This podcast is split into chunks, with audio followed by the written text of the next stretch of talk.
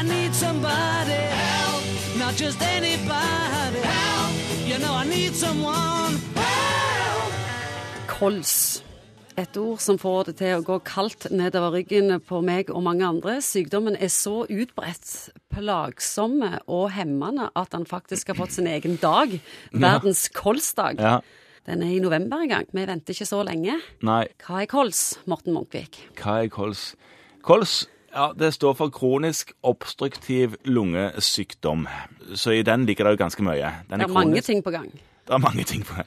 Den er kronisk. Har du fått det, så er det er på en måte ingen vei tilbake. Da kan du bare begrense videre utvikling av det.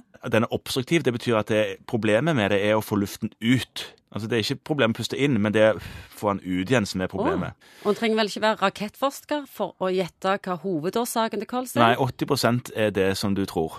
Røyking. Ja. Men en kan få det av andre ting Ja, det kan en. En kan få det i forbindelse med industri. Altså at en puster inn forskjellige ting som ikke er bra for lungene i, i forbindelse med jobb. Det er en, en arvelig form òg. At du mangler et enzym som gjør at du kan få det lettere. Men det er sjeldne ting. 80% er røyking. Så røyking er der vi egentlig kan legge inn mye av jobben. Hvordan vet du at du har kols? Du hoster mye, du slimer masse, og du har tung pust.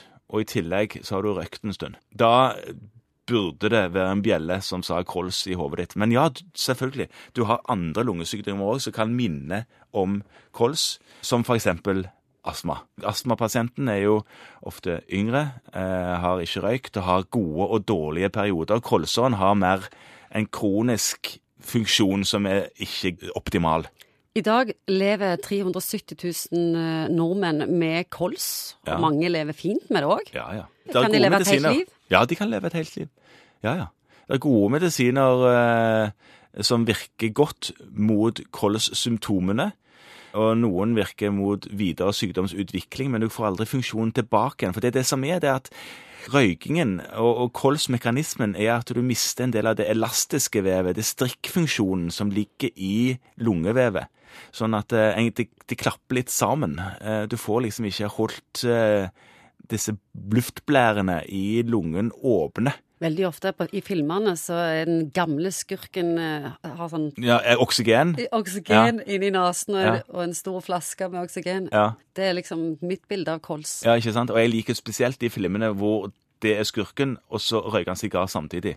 Da er det noen som har lagd manus som ikke har forstått akkurat hvor potent oksygen er. Jeg husker en, han var kolser, og han var nok narkoman, og hadde veldig behov for røyk. Han lå inne på et større sykehus i Oslo, da jeg var der som student, faktisk, det er ganske lenge siden, og han hadde lurt seg til å ta et eh, blås inne på sykehuset. Det var selvfølgelig ikke lov. Og da smalt det godt. Og han holdt på Han holdt jo på å Han hadde vært bare på den ene siden etterpå, for å si det sånn, men han holdt jo på å gå og ta ordentlig for seg på sykehuset. Men det gikk, det gikk nå halvveis bra. Apropos hvor dødelig er kols. Ja, apropos. Du, hvis du ikke slutter å røyke, så kan du dø av kols. Jeg har ikke noe prosent på det, men det nedsetter livskvaliteten og livslengden betydelig hvis du ikke slutter å røyke. Men hvis du kutter røyken og har litt kols, så er det ikke noe problem sånn sett.